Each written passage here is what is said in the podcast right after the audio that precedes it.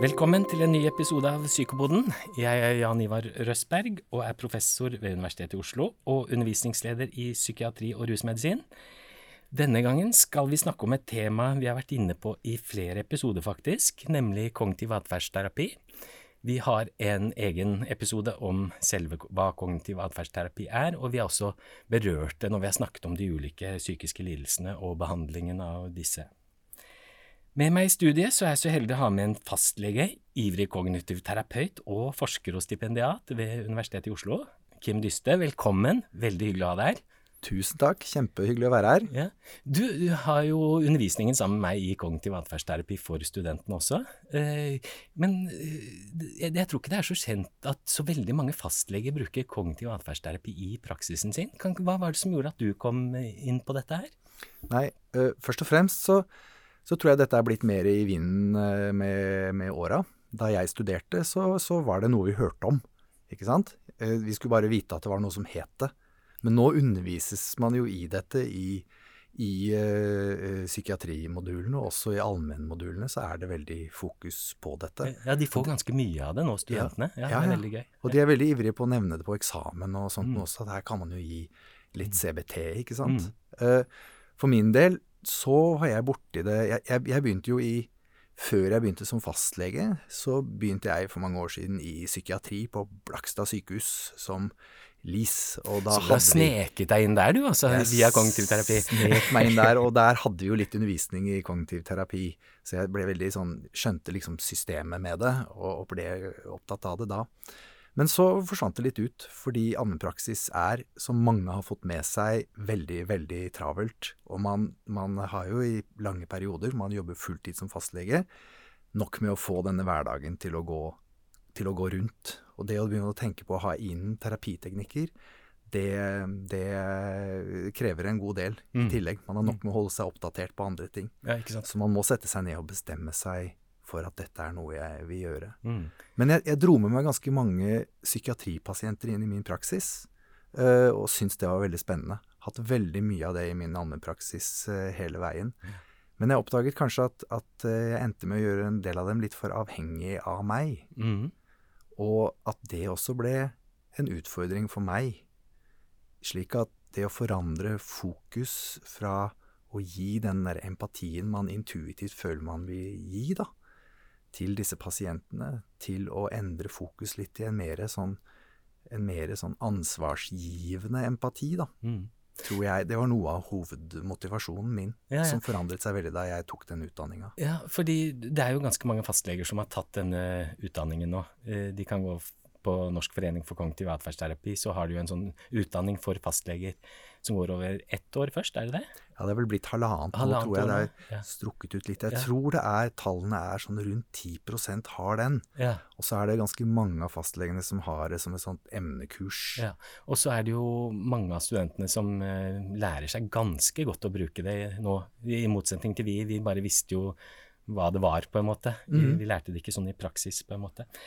Eh, du snakket litt om det, men sånn Hva tenker du Vi snakker ofte om den kognitive holdningen. Eh, hva, hva, er nyttig for deg, for pasientene? Sånn, kan du si noe om det? Det er et stort spørsmål. Det ja, det er et stort spørsmål. Ja, hvis du kan si, hva er nyttig for deg, tenker du, i din fastlegepraksis, som er veldig uh, travel?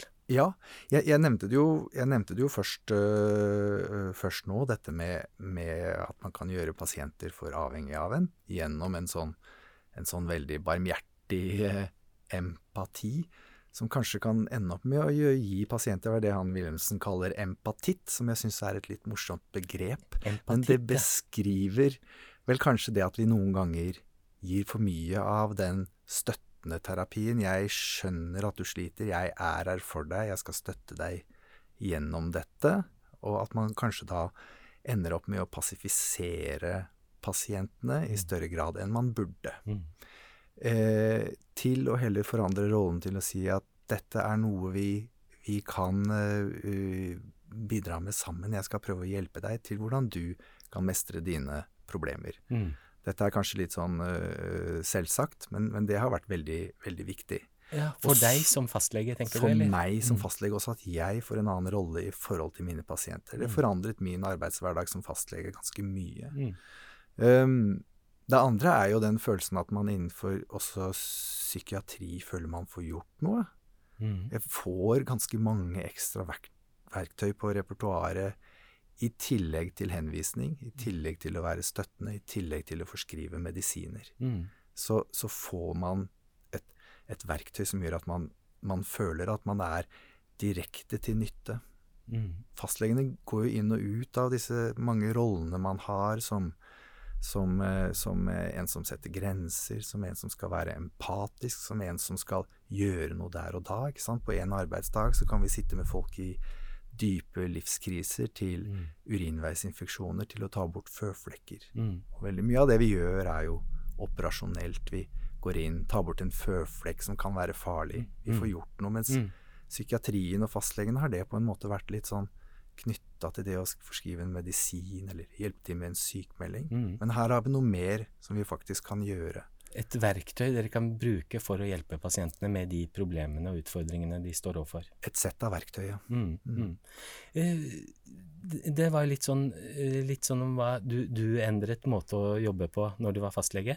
Og, og, men åssen er det å skifte mellom disse rollene, da? Fra, fra å være sånn kognitiv terapeut på en måte, til, fra, til å fjerne føflekker eller skrive ut eh, medisiner for en urinveisinfeksjon? Og som fastlege så blir vi veldig vant til å skifte mellom disse rollene. Ja. Noen ganger tar vi til og med på oss politihatten og tar fra folk lappen. Ja.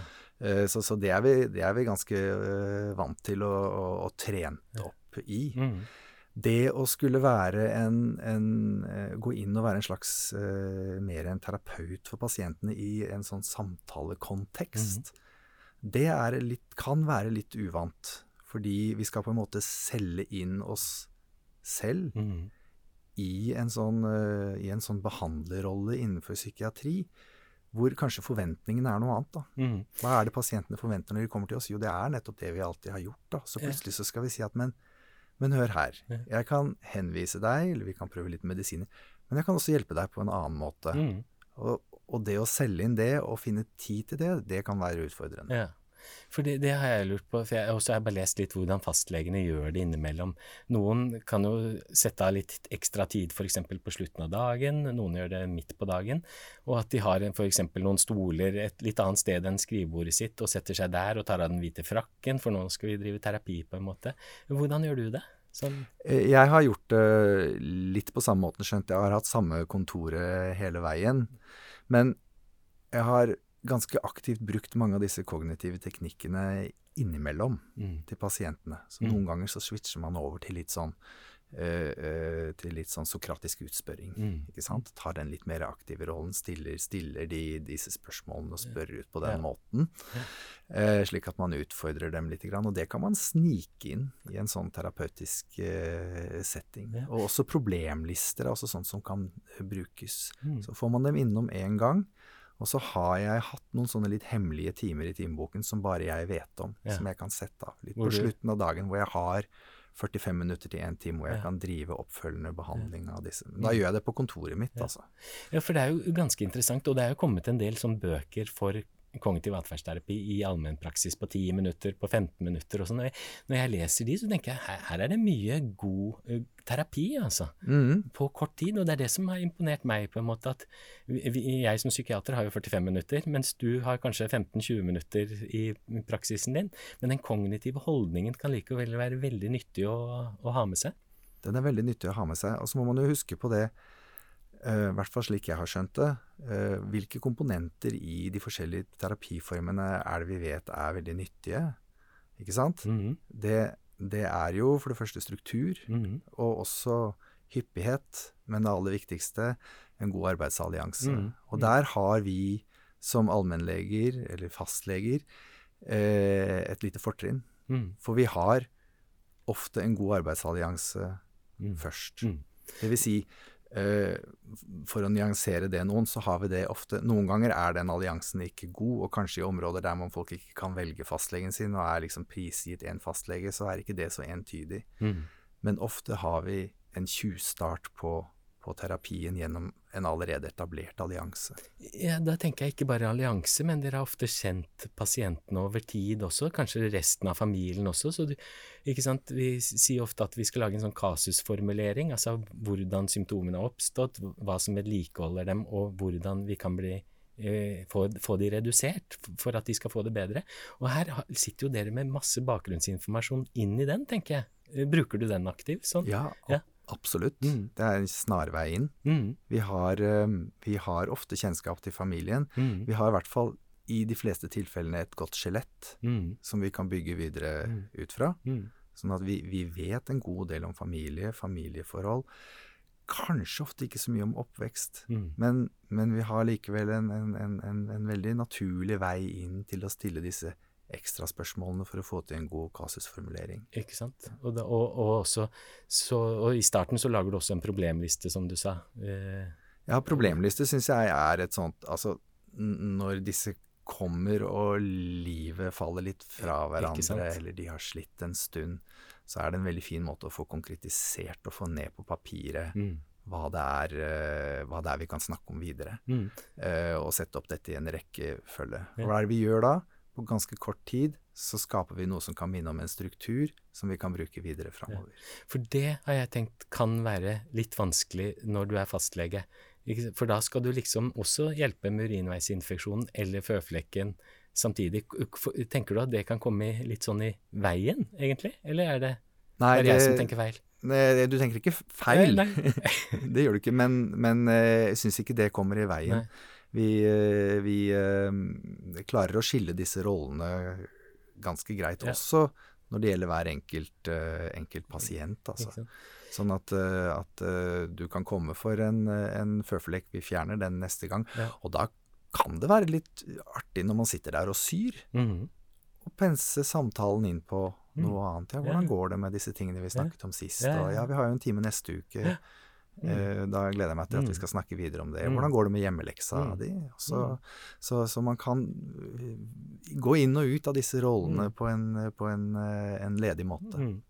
Noe jeg tenker er også viktig å få formidle, er jo den derre mengdetreningen dere som fastleger har for psykiske lidelser. Er det 15% ca. av pasientene som kommer til dere? Er, mener jeg leste sted? Er det mer? Er det, si eh, de offisielle tallene er vel rundt der, ja. Eh, ja. Men opplevelsen er nok mye mer. Ja. Og åpner vi for det, så kommer vi høyere. Ikke sant. Mm. Ja.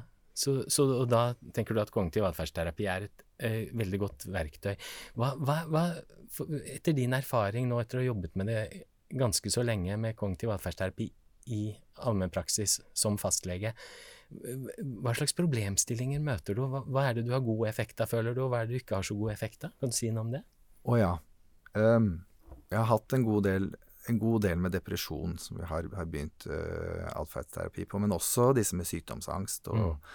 og generaliserte angstlidelser. Mm. Så, så, gjør vi det veldig mye. Mm. Jeg syns kanskje sykdomsangst og den atferden rundt uh, redsel for sykdom er noe hvor det er kanskje aller mest nyttig. Da, da det mest, og det er ganske stor andel av pasientene dine i en fastlegepraksis? Ja, det er det absolutt. Mm, mm. Det er det. Mm. Jeg har jo hatt praksis i mange år i en, en uh, privilegert del av Norge. Mm. En privilegert del av en privilegert del av verden. Ja. Og selv der, selv der når man begynner å å nøste og ta tak i ting, eller folk kommer med sine problemer, så har dette en stor rolle i praksis. Mm, mm. Hvis, jeg har lyst på litt sånn bilde. Altså. Nå, kan, nå nevnte du sykdomsangst, angstlidelser, generalisert angstlidelse, depresjon. Hvis vi skulle fått et sånn, sånn bilde til lytterne, hvordan du jobber kognitivt uh, i fastlege Hvis du får en pasient som er deprimert, kjent den i fem år, stått på fastlegelista di i fem år, og kommer Hvordan vil du startet da? Kan du si noe? Går det an? Ja, det går an ja, å si noe ja, om det. Kan prøve. For det første så kommer de jo inn da med en forventning, og den har jo vært, den har jo vært en annen enn den jeg faktisk har selv, i og med at jeg har den tilleggsutdanningen. Uh, så, kommer de inn med en forventning om, uh, om, å bli forstått og hørt, tatt på alvor. Uh, altså dette som har med allianse å gjøre. kanskje få spørsmål om medisin, sykmelding og en henvisning hvis dette varer. Um, så det første de gjør, er å høre hva slags forventninger de har. Mm. Hva, hva, hva tenker du skal komme ut av dette? Og så Mhm. skisserer man opp noen, noen øh, muligheter. Ofte kommer jo disse på en sånn øyeblikkelig hjelp-time for en sykemelding. Ikke sant? Mm. Og da har vi ti minutter. Ja. Et kvarter, kanskje. Ja. I at best. Da, Mm. ok, da skriver vi ut den sykemeldingen. Du får sykemelding én til to uker, da. Dette har god prognose. Så det man begynner med først, man skriver ut en sykemelding, er litt psykoedukasjon. Mhm. Ikke sant? Det er første. Hva slags prognose har dette? Hva slags for behandling kan vi gi generelt sett? Eh, ofte, det er ikke din skyld. Dette er noe som kan komme og gå, etc. Gjerne kjenner jeg litt til sykehistorien, så jeg kan, kan basere det jeg sier litt også på, på det. Så blir det jo da å sette opp en ny time, og da setter man gjerne opp en vanlig time til forlengelse av sykemelding uka etter. Og da går man litt dypere i materien, kanskje tar tak i disse elementene fra kasusformuleringen, og får dette skissert fram for meg og for dem, og så blir vi enige om en videre strategi. Mm. Og der blir det jo gjerne litt sånn, avhengig av hvor lenge de har hatt dette, og hva vi tenker prognosen er, så, så er det ganske mange ganger jeg sier at dette kan jo ende med en henvisning til spesialist hvis det varer. Ikke sant? Mhm. Det er sjelden jeg sier 'jeg kan behandle deg', Mm. 'dette fikser jeg'. Mm. Jeg må hele tiden ha det lille forbeholdet at vi har den muligheten til en spesialist og til henvisning eller medisiner. Mhm. Men, men jeg kan i ventetiden, inntil vi ser hvor dette går, tilby deg noe. Og Mm. det kalles kognitiv atferdsterapi. Mm. Har du hørt om det? Mhm. Så snakker vi litt om det, og prinsippene bak det. Og så begynner vi da, 14 dager etterpå, å sette opp på en av disse hemmelige, hemmelige timene mine, Ja. hvor vi da kan fortsette behandlingen. Når du sier prinsippene bak kognitiv atferdsterapi, hvordan ville du sagt det til en pasient? Eh, jeg, det første jeg ville gjort, eh, var egentlig å, å ta tak i, i eh, den eh, ABC-skjemaene. Mhm. Få, få et, av de fram. Forklare Mm. prinsippene bak kognitiv terapi innenfor dette, dette. ABC-skjemaet til Ellis. da. Mm. Ikke sant. Eh, og så, så tror jeg, har jeg pleid da å gi som hjemmelekse at de begynner å tenke litt over dette. Mm. De kan til neste time begynne å skrive ned Mhm. hjemme som hjemmelekse Mhm. hvilke tanker det er de har. Og så forklarer jeg litt også dette med, dette med eventuelle kognitive skjemaer og litt sånt Mm. bak, så jeg vil gjerne ha med litt av det også, og forbereder dem på at det er dette vi skal begynne å snakke om neste time. Det, Det det er spennende å høre på, det, på deg, tenker jeg. ikke sant? For det, du, nå forteller du om ABC-skjemaene, altså hvordan eh, tanker og atferd kan påvirke følelsene våre og, og atferden i seg selv, hvordan ting henger sammen. Og, og det har jo alle psykoterapeutiske metoder. ikke sant? Sånn, de, de har jo forklaringer på eh, hvordan ting henger sammen. Mens i kognitiv terapi så tar vi utgangspunkt i tankene, tankemønsteret vårt, og hvordan vi tenker om ulike situasjoner. Og også hvordan atferd kan bli med, bli med på å gjøre endringer. Ikke sant? Hva, hva tar du mest utgangspunkt i? Er det litt sånn tankemønstrene, eller er det atferden, eller begge deler samtidig, eller? ja, ehm, eh, vi har jo diskutert dette før, vi. Mm -hmm. uh, og jeg husker du sa en gang at eh, folk kommer jo ikke med tankene sine. Nei? De kommer med det de føler, og Mhm. ubehaget. Mhm. Så, så det er det de kommer med. Mhm. De kommer med depresjonssymptomene Mhm. og det, det affektive. Mhm. Emosjonene sine. Ja. Og så er det å gjøre dem klar over ut fra dette skjemaet Mhm. du, her ligger det ofte noe bak mm. som kan gå langt tilbake i tid, mm. og som kommer til uttrykk gjennom det du tenker der og Mhm. da, og som da var, var utløst av dette Mhm. eh, som skjedde. Mhm. Du mista jobben, eller et brudd, eller andre ting, da. Ja. Så, så, det, så det er eh, den informasjonen man Mhm. gjerne begynner med for å sette dette inn i en struktur tidlig. Da setter du det tidlig inn i struktur, og så har du fått en sånn målliste, problemliste, som hva pasienten ønsker av, av denne behandlingen, på en måte. Og så skal du prøve å endre noe, da, for at de skal oppnå de tingene. Hva, hva er det du bruker mest? Du nevnte i starten sokratiske spørsmål. Det er jeg veldig glad i, faktisk, å bli mer og mer glad i det. Ja. Og ABC har du nevnt. Er det andre ting du bruker da, sånn for å si om er dette hensiktsmessige tanker, eller er dette hensiktsmessig atferd? Jeg tenker sånn, En deprimert kan vel ofte bli liggende i sofaen sin for eksempel, og gruble. Det er jo ikke så hensiktsmessig hvis man er deprimert. Har du noe sånn noe du bruker mer? Ja, når vi, når vi er litt videre i behandlingen, så kommer man jo liksom inn på, på denne C-en, da, på atferden i det. Og da er det jo også å gjøre dem klar over altså, når, når man er eh, f.eks. deprimert, så vil jo denne atferden å trekke seg tilbake fra det sosiale, det vil jo i utgangspunktet fjerne en fra en del av disse konfliktene som kanskje har vært med på at man føler selv. Da. Som er på å utløse, utløse tanker, og igjen utløse nye symptomer. Så sånn helt intuitivt så er det å trekke seg bort, gjemme seg bort, legge seg i sengen, føle seg deprimert og dårlig, en, en strategi som, som kan virke plausibel der og da. Men det er jo kjempeviktig å få fram budskapet om at nå på sikt videre så er det jo det motsatte du skal gjøre. Mm. Ikke sant? Depresjonssymptomer, det ene symptomet, trekke seg tilbake fra det man har syntes var morsomt. Anhedonien, Mm. den må vi utfordre direkte. Mm. Ok, du ønsker ikke å gå ut. eh, Du har kanskje på problemlista at du blir værende mye alene i egne tanker, i grubling. Det er ikke bra. Her må du her må vi starte med noen skritt og se hvordan kan din atferd endres, for da vil gjerne forbedringen følge etter. Mm. Mm. Og man er jo da inne på Jeg nevnte ordet grubling. Så er vi inne på, eh, inne på noe som jeg mener kanskje er litt underkommunisert i kognitiv terapi i allmennpraksis, men det er bruk av en del elementer fra metakognitiv terapi. Mm. Og det har vi kanskje litt berøringsangst på. Ja, kanskje. Fortell. Er ikke så vanskelig, eller så ille, men det går jo For det første, i allmennpraksis så møter vi jo ofte mennesker som er i veldig vanskelige situasjoner. Så kan vi si at ok, her dukker det opp en del tanker om den situasjonen. Så skal vi prøve å utfordre de tankene. Men i ganske mange tilfeller så, så har folk det vondt i en vanskelig situasjon med tanker som er helt greit å tenke da. Mm. Ikke sant? Så da kan vi ikke si at vi skal utfordre disse tankene. Så da kan vi si at ok, dette er en sorgprosess, det skal gradvis gå over. Begynner det å vare veldig lenge, så beveger vi oss inn i noe som kan ha utløst en depressiv tilstand. Tankene dine rundt dette er, er greie, men begynner dette å vare lenge, så må du kanskje øve deg på å la disse tankene i mindre grad affisere deg eh, emosjonelt. Mm. Mm. Så Det er sånne metakognitive teknikker som vi kan jobbe mot. Ja, ikke sant. At du får, får litt sånn holdningene de har til sine egne tanker. Ja, Ikke sant? Og, Hevet dem opp på et metanivå, slik at de kan, slik at de kan nærmest observere disse tankene utenfra og si at dette er vondt, det skal begynne å gå over. mm. Kan jeg distansere meg fra dem uten at de gjør like Mm. vondt? Det krever trening, er vanskelig. Ikke sant? Ja. Det, det, dette er jo vanskelig, ikke Ja. sant? Og, men, men det er jo også det der å få formidlet sånn psykoedukasjonsmessig at tanker i seg selv ikke er farlige, på en Nemlig. måte. ikke sant? Sånn at du bare, Og så får du det metaperspektivet. Veldig enig i det. Og så er det dette med grubling. Ja, Hva tenker du om det? Depressiv grubling. -hmm. ja.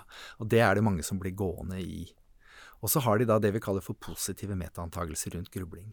Ikke sant? Mhm. Hvis jeg tenker mye rundt situasjonen min, gjerne tilbake i tid, så man tar med disse her kjerneoppfatningene og alt dette, mm. så kommer jeg til slutt i dybden av noe som kan gjøre meg bedre, bare jeg får grubla lenge nok hjemme aleine på dette i senga, så vil jeg til slutt komme til en eller annen sannhet i bunnen av alt dette. Løsningen på mine Løsningen utfordringer. den store løsningen. Mm. Eh, det vet vi jo ganske godt ikke er noen god strategi. Mm.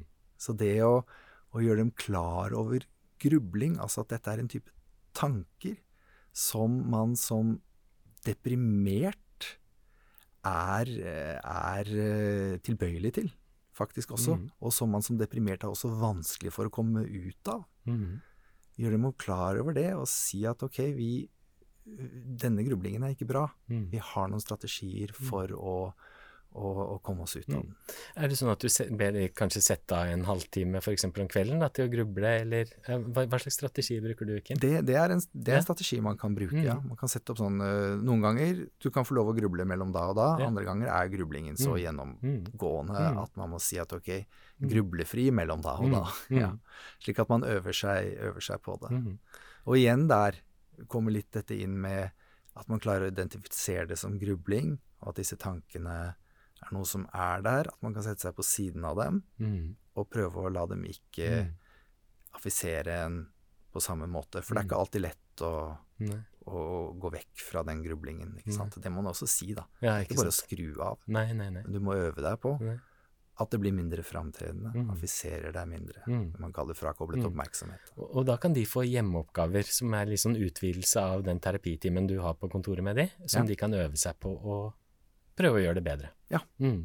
Absolutt. Er det det du tenkte med den derre eh, gi de litt mer ansvar? Du nevnte noe i starten, eh, pasientene litt ansvar for å komme videre, var det det? Ja, det, det ligger jo i hele dette opplegget. Ja, hvordan da? At, at, uh, at her gir man dem hjemmelekse. Ikke sant?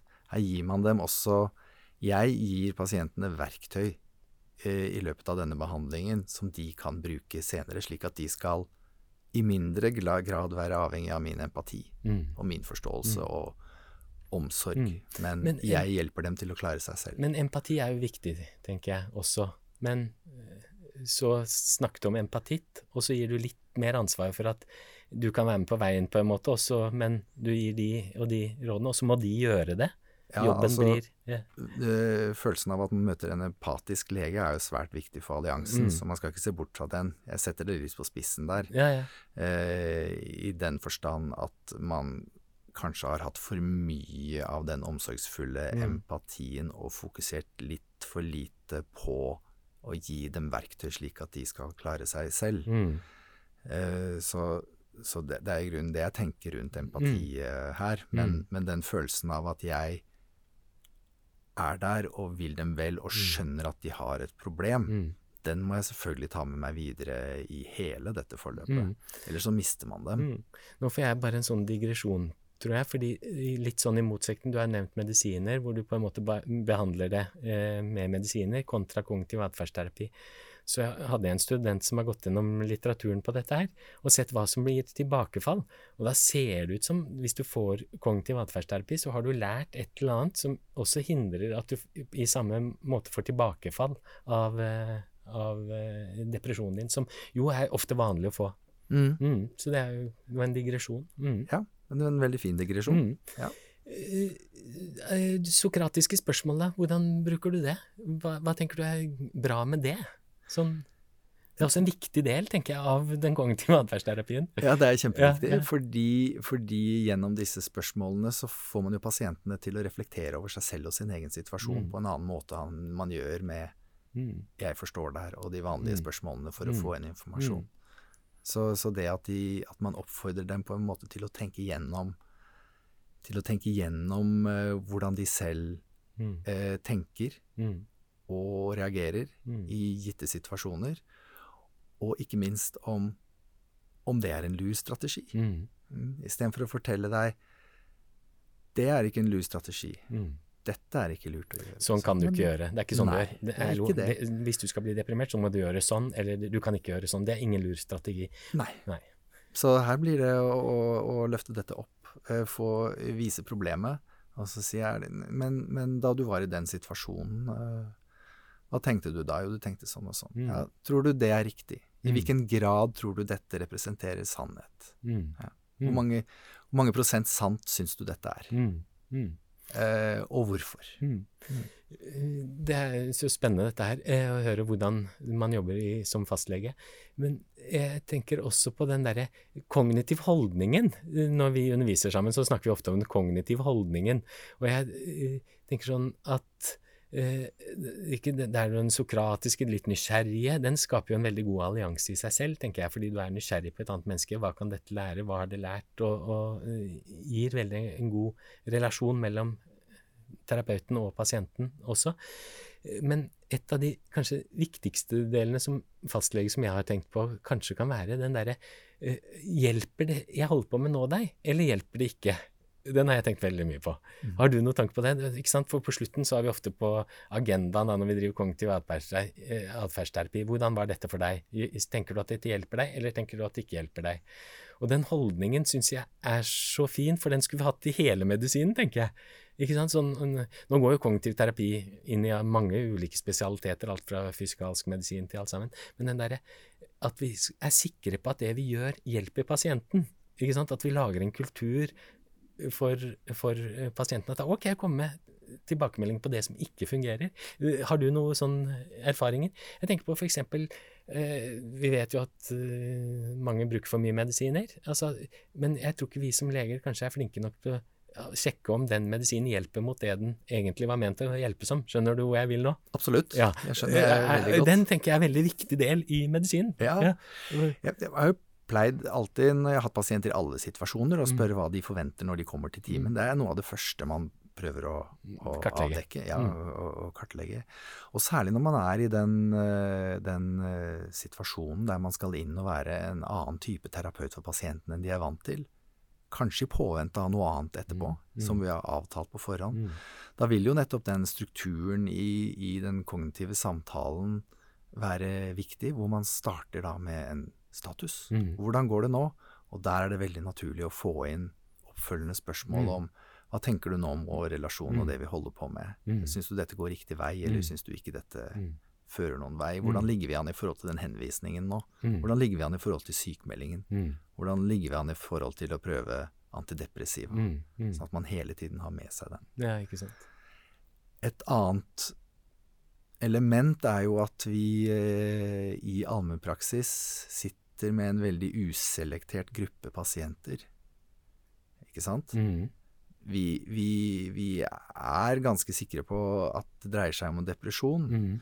men det kan være komorbiditet, Mm. og særlig på personlighetsstruktur. Mm. Og der har jeg gått inn i, i kognitive terapiløp noen ganger som ikke har ført fram, Mm.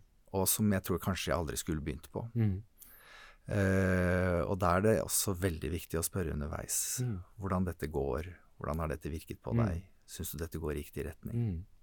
For der er det fort gjort å det er faktisk fort gjort å, å begynne på, på, på, på noe som man Ja, kanskje ikke- skulle holdt fingrene av fatet på. Ja, ikke sant. Og det har vel alle vi som jobber med psykoterapi også erfart, tenker jeg. At uh, her, er det, her, her var ikke den metoden egentlig det du skulle hatt nå. Nei. Og da blir det enda viktigere at man får de tilbakemeldingene, da. Jeg har jo f.eks. hørt at Og den ABC-modellen er det teiteste jeg har hørt om. Da, da må ikke jeg bruke den videre, på en måte. Altså hvis den ikke er noe som treffer den pasienten med de plagene da, så må, må jeg ikke bruke den. Og da må vi endre, endre noe. ikke sant? Samtidig må vi vel huske på at også at uh, samtaleterapi kan ha negative effekter. tenker jeg også er viktig. Det har vi også en egen episode på her i podkasten. Det, det kan da. Det har en virkning, og det kan ha en negativ effekt. Eh, så det må vi ha. Er det noe eh, vi skulle som vi ikke har snakket om nå? Vi må snart avslutte, Kim. Er det noen sånn viktige aspekter som du brenner inne for å fortelle om? Ja, jeg, det vi ikke har snakket Ja. om, eh, det er litt bruk av teknologi, da. Ja! Ja, Det må vi snakke litt om, altså. det må ja. vi. Ja. Ja, for det er litt uh, i, i mitt uh, prosjekt også, hvor Mm. vi utvikler teknologi for bl.a. ungdomsdepresjon. Ja. som en Kan ikke du sånn bare si litt grann om, eh, om hva du tenker om det prosjektet, og, og hva du vil utvikle av det? Helt, helt kort i det prosjektet så, så jobber vi med å utvikle såkalte samtalerobot for å gi god psykoedukasjon, blant Mm. altså til ungdom med Mm. depresjon. Mm. Men jeg eh, har i min praksis også brukt noen sånne lignende samtaleroboter til eh, pasienter, til voksne pasienter. Mm. En robot som heter eh, Wobot, Mm. som er utvikla i utlandet, og som er vel en av de som, som fungerer bra. Og det å kunne bruke en sånn, en sånn samtalerobot til dem som hjemmelekse, Mm. syns jeg har fungert veldig fint. Mm. For den er også basert på CBT og stiller Mm. spørsmål om, om øh, øh, Som går litt sånn på hvordan tenker du i den situasjonen da du sto opp i dag og ikke følte deg bra? Mm. Hvordan føler du deg i løpet av dagen? Så Mm. skal de svare på disse spørsmålene. Mm. Eh, og så kan vi gjennomgå dette sammen i, eh, på terapitimene. Mm. Og det er særlig på de yngre voksne, som nesten er sånn nede i ungdom, de syns det er veldig øh, motiverende å bruke denne teknologien, kanskje heller enn å få et ABC-skjema som de skal fylle ut for Ikke hånd. sant. Ja, ja og så er jo de yngre er jo eh, mer opptatt av tek teknologien også, tenker Mm. jeg. Og så vi, men, men det er veldig morsomt å se hvordan eh, denne kognitive atferdsterapien sprer seg rundt i de nye mediene, da, ikke sant? med et litt sånn treningsprogrammer mot kognitive tankefeller og sånne ting som vi ikke har snakket så mye om, men, men eh, som vi har snakket om i en annen episode, da. Ja, ja for det jeg snakket om nå, er jo som en app. Eh, Ikke mens sant? det finnes mange nettsider Ja. og, og mye god informasjon, Mye god informasjon. der ute, som uh, annet eh, gjøres mye i Australia, med Mm. sånn uh, moderert uh, online-samtaler, mm. hvor det er en moderator inne, og så snakker de forskjellige syke med hverandre. Mm. Det har kanskje vært mer inn mot psykose, da. Yeah. Men, uh, men uh, det, det, her skjer det veldig, mm. veldig mye veldig fort. Mm. mm. Så vi må følge med. Kanskje vi må invitere deg tilbake igjen når du har en sånn Ah, nå kommer jeg ikke på hva det heter igjen. En, en sånn samtalerobot? Samtalerobot, Chatbot heter ja. Chatbot, ja. ja. De fleste som hører ordet chatbot, tenker jo nå skal jeg snakke med noe som jeg bruker når jeg skal snakke med banken min, og få bare nonsens tilbake. Da.